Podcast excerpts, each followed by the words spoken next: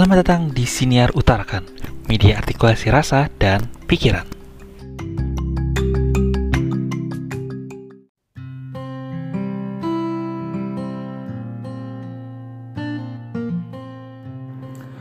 Oke, selamat datang kembali di Siniar Utarakan. Nah, untuk episode kali ini, uh, gue akan uh, memunculkan segmen baru ya segmen baru namanya Bison. Jadi Bison ini singkatan eh, dari abis nonton. Ya kenapa abis nonton? Karena um, gue sebenarnya suka nonton. Gue suka nonton film series dan um, gue bisa apa ya uh, dari nonton itu gue bisa belajar banyak hal banyak hal yang bisa uh, apa ya kita renungi bisa eh bukan kita ya misalnya gue. Bisa gue renungi gue uh, pikirkan baik-baik. Bisa jadi uh, pengingat juga buat diri gue sendiri. Nah dan lain-lain lah. Intinya uh, harapannya uh, apa ya uh, mungkin orang yang pernah nonton film yang gue tonton itu jadi punya insight baru atau mungkin jadi pengen nonton lagi mungkin filmnya supaya uh, bisa ngecek apa kayak yang gue omongin uh, bukan betul ya karena kan ini uh, pendapat ya yang yang pendapat gue yang subjektif dan cara pandang gue melihat sebuah film atau sebuah karya film sebuah series. Uh, jadi ya intinya nikmatin aja deh. Nah kemudian untuk uh, segmen pertama Bison kali ini gue akan membahas sebuah film uh, berjudul Free Guy Nah, um, film ini rilis tahun lalu tapi gue baru sempet nonton dan uh, lo bisa nonton film ini di Disney Plus Hotstar ya. Jadi mungkin kalau yang uh, udah langganan Disney Plus Hotstar bisa langsung nonton. ini bukan promo ya. Jadi uh, Free Guy ini bercerita tentang sebuah karakter atau uh, istilahnya istilahnya di sini adalah uh, eh, non player character atau NPC. Jadi sebuah karakter game yang uh, kalau kalau kita ngomongin di film mungkin kayak uh, figuran lah ya. Jadi kayak aktor figuran dalam sebuah game gitu. Jadi um, nah game ini bernama Free City. Free City itu di mana uh, kayak uh, mungkin kalau di kehidupan nyata mirip-mirip seperti PUBG atau mungkin Free Fire dan sejenisnya ya. Jadi uh, apa MMO MMORPG atau multiplayer online role playing video game. Nah, uh, menarik di sini karena uh, si oh, nama nama nama karakter utamanya Guy diperankan oleh Ryan Reynolds ya seperti yang lo tahu um, Ryan Ryan Reynolds tuh mungkin setelah dia yang gua ini yang gua yang gue lihat ya. Setelah dia uh, memerankan Deadpool apa ya eh, gue nggak tahu sih mungkin kayaknya memang karakternya Ryan Reynolds tuh memang kayak gitu ya. Maksudnya um, kocak ya, ya kocak kocak petakilan. Nggak petakilan juga sih maksudnya uh, apa ya, ya lucu deh intinya uh, lucu gitu. Uh, jadi dia bisa uh, uh, jadi bisa kasarannya action komedi lah kalau misalnya uh, Ryan Reynolds tuh. Mirip-mirip kayak uh, Dwayne Johnson ya The Rock. Nah jadi uh, si karakter ini si Guy uh, nama karakter yang diperankan oleh Ryan Reynolds ini dia seorang uh, eh, NPC non player karakter yang dia tuh berperan eh dia tuh jadi seorang uh, banker ya.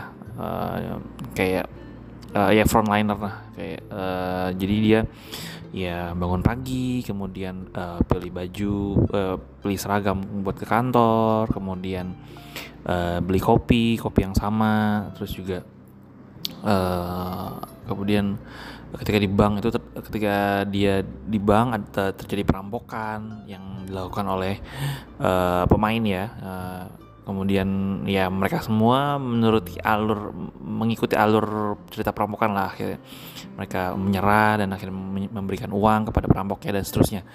Dan itu berulang sampai suatu ketika dia bertemu dengan uh, karakter uh, eh karakter di game ini uh, namanya Molotov Girl yang dimainkan oleh oh, di dunia nyata dimainkan oleh Millie. Jadi si uh, jadi Millie ini main oh oke. Okay. Jadi sebelum sebelum ke dia mainnya jadi dia Millie itu adalah seorang mungkin bisa dibilang game developer ya, game developer uh, yang jadi uh, sebelum ada free game ini beberapa beberapa tahun sebelumnya uh, dia berma dia membuat sebuah game uh, bersama dengan ya TTM teman tapi mesra. Ya pokoknya teman deket lah. Uh, dengan namanya Keys. Jadi mereka buat apa nama nama gamenya itu Life Itself. Jadi intinya mereka membuat game itu apa namanya dengan uh, menggunakan kecerdasan buatan atau AI ya. Artificial intelligence. Nah uh, ya beberapa tahun berselang um, Ki kalau nggak salah kalau nggak salah kalau gue nggak salah nangkep ya dari ceritanya. Jadi uh, kayak uh, apa namanya uh, permainan mereka itu uh, dibeli lah dibeli oleh perusahaan namanya uh, Tsunami Studio yang apa namanya yang dimiliki oleh Antoine yang di yang diperankan oleh Taika Waikiki ya kalau nggak salah namanya. Nah jadi nah dari situ um, ya pokoknya itulah nanti lo, lo nonton sendiri aja kelanjutannya intinya. Uh, dibeli dan uh, apa namanya si Mili ini ngerasa bahwa si uh, Antoine ini nyolong kasarannya kayak uh, apa namanya nyolong uh, apa yang sudah Mili dan Kiss uh, buat uh, apa namanya nyolong konsep ya lah ibarat kayak nyolong konsep permainannya uh, uh, permainan yang dibuat oleh Millie dan Keys untuk membuat si Free City ini itulah intinya seperti itu nah dan karena Millie nggak terima dan dia mau mau membuktikan bahwa si Antoine ini memang benar-benar uh, nyolong lah ini nyolong idenya akhirnya si Millie uh, main main permainan Free City dan dia uh, membuat karakter yang bernama Molotov Girl. Nah, jadi uh, kehidupannya Guy berubah ketika bertemu dengan si Molotov Girl ini. Jadi um, seolah-olah uh, kayak wah gue, oh ini dia adalah cewek yang gue cari-cari yang gue nanti-nanti selama ini. Uh, Nah dari situlah si Guy berusaha untuk intinya pengen deket lah sama si cewek ini. Nah dan dari situlah kehidupan Guy berubah yang awalnya ya dia ngikutin alur mengikuti alur uh, uh, programnya dia, maksudnya uh, dia uh, bangun tidur, uh, berangkat ke kantor, eh ke kantor ke kebang ya kerja, uh, ke, ke kafe beli kopi dan seterusnya. Pokoknya itu berulang-ulang nah semenjak dia ketemu sama si Molotov Girl ini dia uh, kayak dia tuh pengen deket. Nah kemudian setelah itu dia uh, dan temennya si namanya Buddy. Ya dia nyebutnya Buddy ya ya nah dia uh, bisa dia mereka tuh bareng dan suatu ketika um, Buddy bilang bahwa oh mereka tuh yang pakai kacamata tuh orang-orang yang ini orang-orang yang berbeda lah uh, apa orang-orang yang pakai kacamata itu orang-orang yang berbeda. Nah, suatu ketika ada uh, pemain ya, pemain yang pakai kacamata itu ada yang kena tembak. Kalau nggak salah ya, kena tembak atau apa gitu. Jadi uh, kemudian kacamatanya dipakai lah sama si sama si guy. Nah dari situ si guy langsung, wah ini apa nih?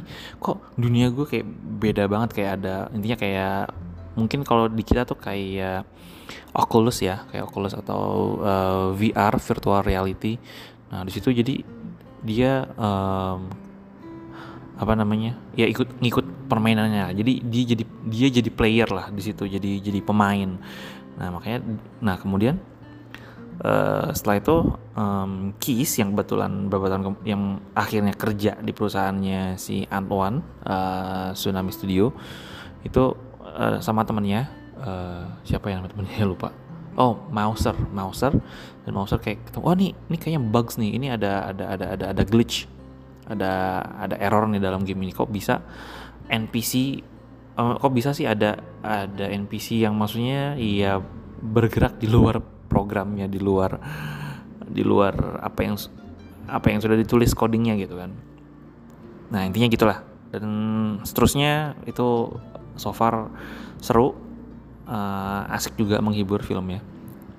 Oke. Okay.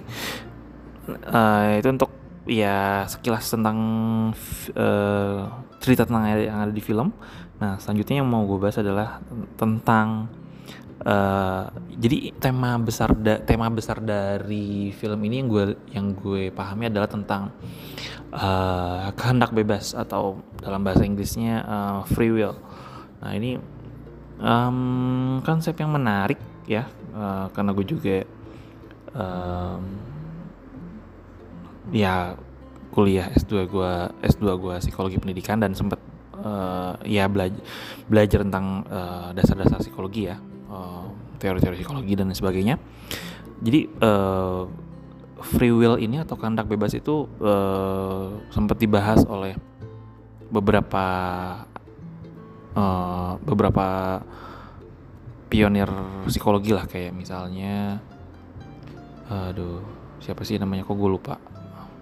Kayak Sigmund Freud dan lain sebagainya. Kalau kalau kayak Sigmund Freud itu uh, melihat bahwa manusia itu nggak punya kehendak bebas. Jadi kayak hmm, udah ada apa ya udah ada jalur jalurnya lah ya.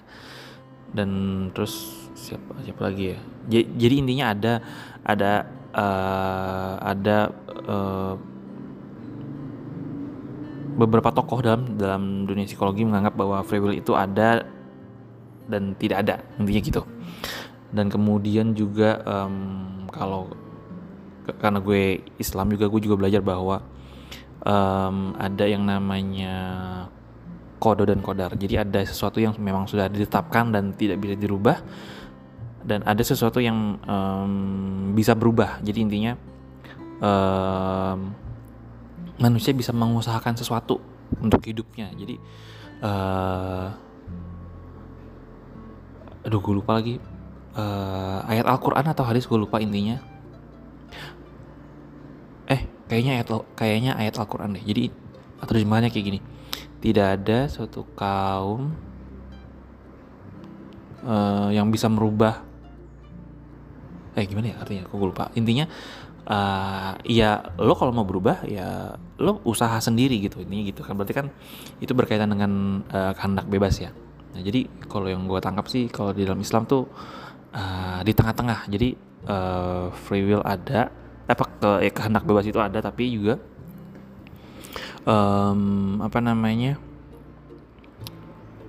uh, ada sesuatu yang memang tidak bisa di, dirubah dalam hidup ini gitu. Nah uh, berkaitan dengan kehendak bebas kalau uh, kita kaitkan dengan kehidupan sekarang ya kadang dengan uh, kecanggihan kecanggihan ya dengan kecang dengan kecanggihan dengan teknologi yang ada saat ini uh, yang gue perhatikan uh, banyak mungkin ya banyak lah ya.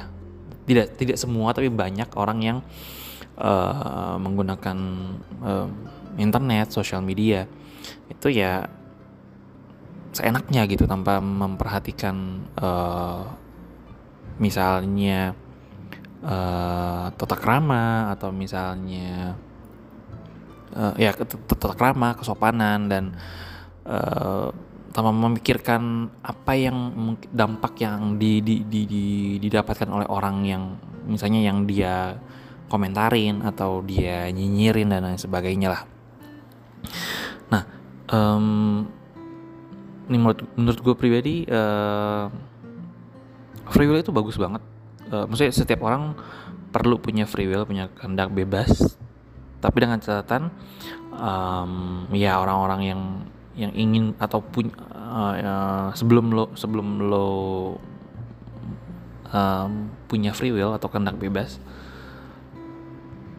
um, ada baiknya kayak lo memperbaiki diri dalam artian memperbaiki diri di sini kayak um, ya lo tahu apa yang apa yang bisa lo lakukan apa yang apa yang tidak bisa lo lakukan dan lo harus tahu hmm, konsekuensi dari apa yang lo lakukan dan atau ya konsekuensi dari apa yang lo ucapkan katakan lakukan. Eh ucapkan ucapkan katakan sama aja.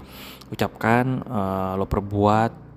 Nah itu lo harus bisa mampu memikirkan konsekuensinya sehingga uh, ketika lo ingin ketika lo uh, apa ya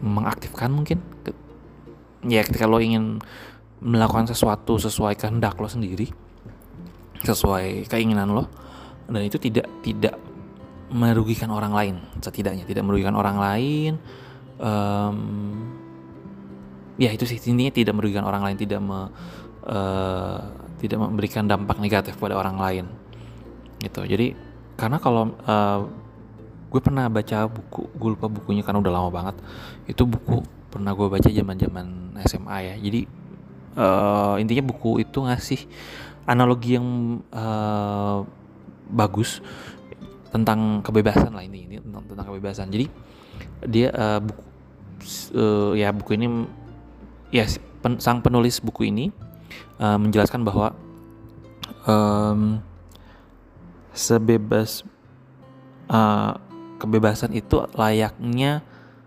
uh, kereta api dengan relnya. Nah, jadi um, kereta tuh bebas mau pergi ke mana aja. Ya, misalnya dari dari Depok ke Jakarta, terus dari Jakarta ke Bekasi, dari Jakarta ke Tangerang dan seterusnya. Selama kereta tersebut berada di relnya, ya kan? Nah, kalau kereta ya kalau kereta bebas jalan tapi di luar relnya, nah itu akan membahayakan kan, bisa, men, uh, bisa mencelakakan orang lain. Nah dari situ uh, bisa kita pahami bahwa uh, lo bisa melakukan uh, sesuatu sesuai dengan kehendak lo, dengan sesuai dengan apa yang lo inginkan, dengan catatan ya itu tadi uh, lo harus mengikuti bukan aturan ya tapi lebih kayak yang tadi gue bilang maksudnya uh, lo tahu uh, apa konsekuensi atau risiko yang akan lo hadapi ketika uh, lo ingin melakukan sesuatu. Sorry. Nah kemudian juga um, ya intinya tadi uh, dengan dengan harapan pada akhirnya apa yang ingin lo, lakukan tidak merugikan orang lain. Nah, uh, kayak gitu sih intinya kalau uh, tentang kehendak bebas dan kalau dari di film ini uh, ya itu dia, maksudnya uh, si guy ini dia ngerasa oh gue bisa melakukan apa yang gue mau, apa yang gue bisa gitu. Uh, tapi memang uh, terkadang uh, ada orang yang memang ketika uh, eh lo punya kehendak bebas lo lo bisa melakukan apa yang lo mau apa yang lo suka. Nah memang ada orang yang menolak itu. Kenapa menolak? Kan bebas itu bebas itu ya bebas bukan bebas sih maksudnya memiliki kehendak bebas atau lo bisa melakukan apa yang lo suka apa yang lo mau itu kan hal yang menyenangkan ya. Tapi ada beberapa beberapa orang yang menolak itu kenapa uh, ya yang gue lihat atau yang gue pahami kenapa ada orang-orang yang seperti itu? Karena mereka sudah nyaman. Sudah nyaman dengan uh, rutinitas. Sudah nyaman dengan apa yang dia lakukan uh, berulang-ulang. Sudah nyaman dengan pola tersebut sehingga ketika yang namanya kehendak bebas itu kan um, bisa kita bilang bahwa uh, apa ya kita keluar seperti seperti keluar dari zona nyaman kita melakukan eksplorasi dan berpotensi melakukan kesalahan kesalahan-kesalahan atau bisa kita dapat resiko-resiko yang tidak kita inginkan. Dan dan itu. Jadi orang orang-orang yang menolak atau belum ingin me, apa namanya belum ingin um, apa ya me, menggunakan kehendak bebasnya atau mengaktifkan kehendak bebasnya itu ya karena sudah sudah nyaman sudah ya sudah nyaman dengan pola lah dengan dengan dengan kehidupan yang dia miliki um, dan sebenarnya hmm, ini bukan masalah salah atau benar ya tapi balik lagi ke ke setiap orang masing-masing ke, ke ke preferensi setiap orang masing-masing. Karena um, kadang ada orang yang memang membutuhkan uh, pola. Hidupnya itu butuh pola hidupnya butuh uh, butuh kestabilan butuh ya nyaman lah intinya. Bahwa karena iya tadi uh, ya maksudnya iya karena kan ya manusia itu kan diciptakan berbeda-beda ya. Maksudnya karakternya beda uh, fisiknya aja beda gitu kan ya. Apalagi karakternya gitu atau uh, cara dia menjalani hidup cara cara manusia menjalani hidup pun berbeda-beda ya. Kalaupun kalau kita lihat kalau kita tarik benang-benang mungkin ada ada ada kita bisa kelompokkan uh, beberapa orang uh, menjalani hidupnya seperti A atau B C dan seterusnya. Tapi pada dasarnya beda-beda lah cara menjalani hidupnya Nah, jadi uh, sama seperti yang di di film Free Guy itu ada itu ya yang temannya si Guy si Buddy ketika si um, bentar.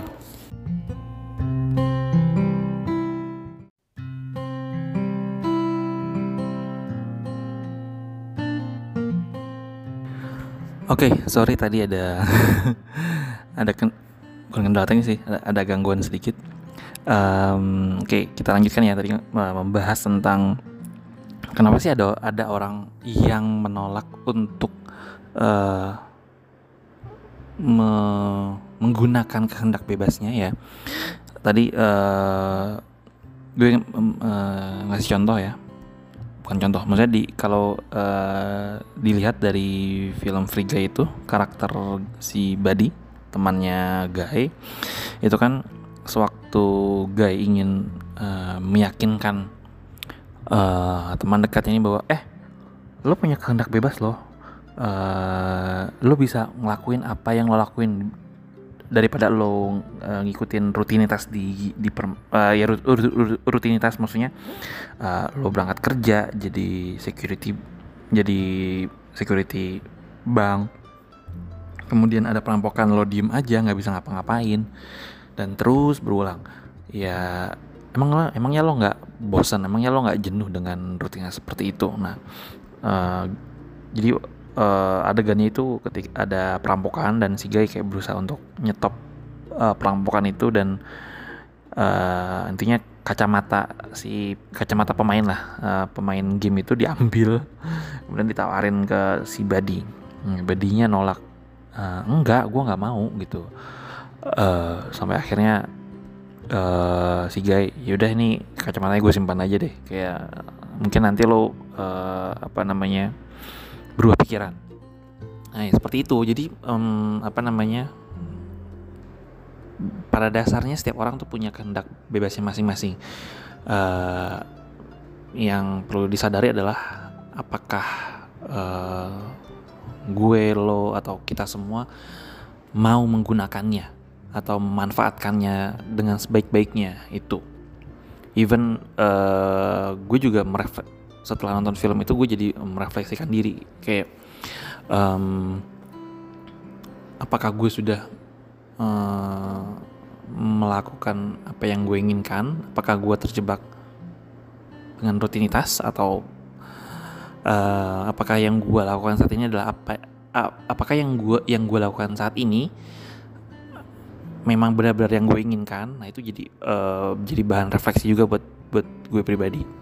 Um, karena kalau uh, kayak buat gue pribadi misalnya um, ada fase di mana kayak uh, jenuh atau mungkin uh, bosan dengan rutinitas yang uh, gue lakukan gitu. Jadi mungkin ada, uh, butuh uh, sesuatu yang baru atau sesuatu yang lebih um, ya entah itu bermanfaat atau lebih bermakna buat gue atau uh, gue butuh tantangan baru atau yang lain sebagainya. Nah itu jadi uh, refleksi buat gue sendiri gitu untuk ke depannya untuk gimana gue uh, menjalani kehidupan gue yang uh, ya syukur-syukur bisa lebih baik dibandingkan uh, sekarang nah oke okay. nah selanjutnya selain tentang selain tentang um, apa namanya kehendak bebas atau free will nah di film ini juga uh, menarik sih uh, gue uh, isu apakah ini isu atau apakah ini isu atau enggak uh, gue juga kurang tahu ya. Mungkin um, menarik adalah tentang kecerdasan buatan. Harapan sebuah harapan tentang kecerdasan buatan atau artificial intelligence. Kenapa sebuah harapan? Karena um, dengan adanya AI atau um, artificial intelligence atau ya mungkin uh, bahasa sederhananya di awal-awal adanya uh, komputerisasi lah uh, komputer. Itu AI bisa sederhananya adalah uh, machine learning ya. Jadi jadi uh, mesin uh, itu belajar mempelajari uh, mempelajari pola mempelajari banyak hal lah. Nah uh, yang gue amati belakangan yang gue amati ya secara umum um, dan apa ya uh, ya ada eh, intinya AI ini uh, banyak yang khawatir ke depannya AI ini akan menggantikan manusia akan menggantikan uh, ya pekerjaan manusia lah. Uh, sampai uh, even uh, Presiden Jokowi aja bilang mau mau ganti PNS dengan robot yang punya AI gitu. Jadi uh, PNS-nya ya PNS uh, eh, mungkin sebutannya IPNS. IPNS apa itu IPNS? Nggak maksudnya sorry sorry bercanda. Uh, jadi um, intinya pengurangan lah jadi manusianya di, uh, dikurangi ya maksudnya Pak Jokowi di sini mungkin pekerjaan-pekerjaan uh, yang memang um, tingkat kompleksitasnya uh, rendah itu mungkin bisa dikerjakan oleh uh, robot ya robot yang memiliki kecerdasan buatan.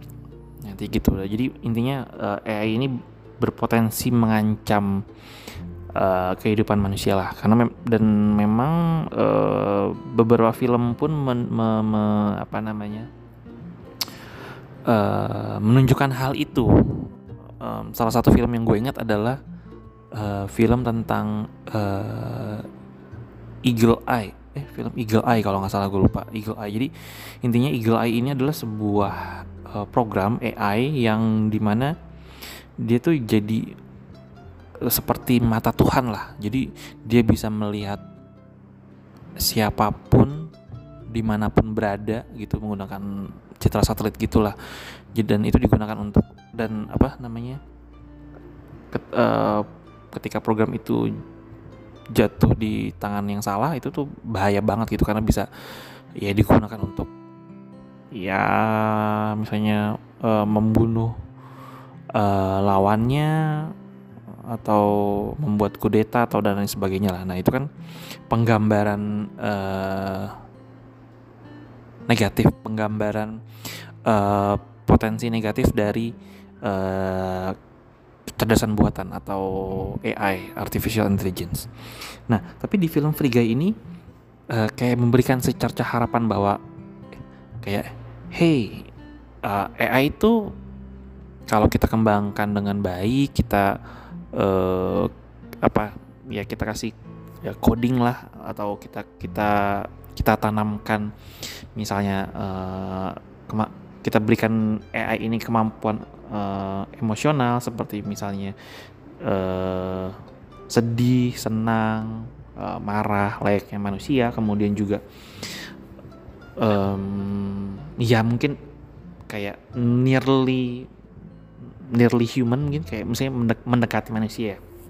Uh, ya maksudnya mendekati manusia di sini uh, artinya AI itu punya kemampuan mengenali mengenali merasakan dan merespon merespon uh, apa namanya merespon uh, apa ya perasaan atau perilaku emosional seperti uh, sedih, senang, marah dan lain sebagainya uh, itu akan apa ya um, ya mungkin kita bisa bisa hidup berdampingan dengan dengan robot ya robot.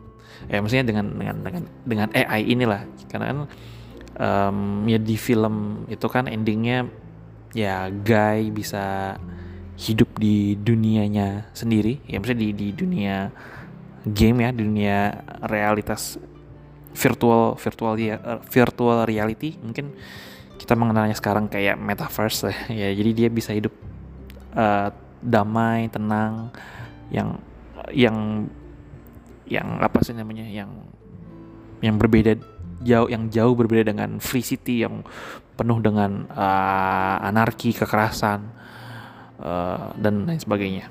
Ya jadi itu sih uh, apa namanya film ini seperti memberikan harapan bahwa uh, ya AI itu kalau kita kembangkan dengan baik dengan apa namanya bukan cuma apa ya uh, bukan hanya sekedar uh, mencari keuntungan misalnya kita misalnya uh, manusia manusia mengembangkan uh, kecerdasan buatan hanya sekedar untuk keuang bukan hanya sekedar mencari keuntungan semata tapi juga mengembangkan AI untuk membuat kehidupan manusia jadi lebih lebih uh, sejahtera, lebih damai, lebih baik lah intinya. Dan itu harapan itu ada bahwa um, AI itu bisa digunakan untuk untuk itu, untuk untuk membuat kehidupan manusia menjadi lebih uh, damai, sejahtera, dan menyenangkan. Oke, okay, um, demikian uh, episode kali ini. Semoga uh, pilot episode ini uh, bermanfaat untuk kalian yang mendengarkan dan sampai jumpa lagi di episode siniar utarakan berikutnya. Bye.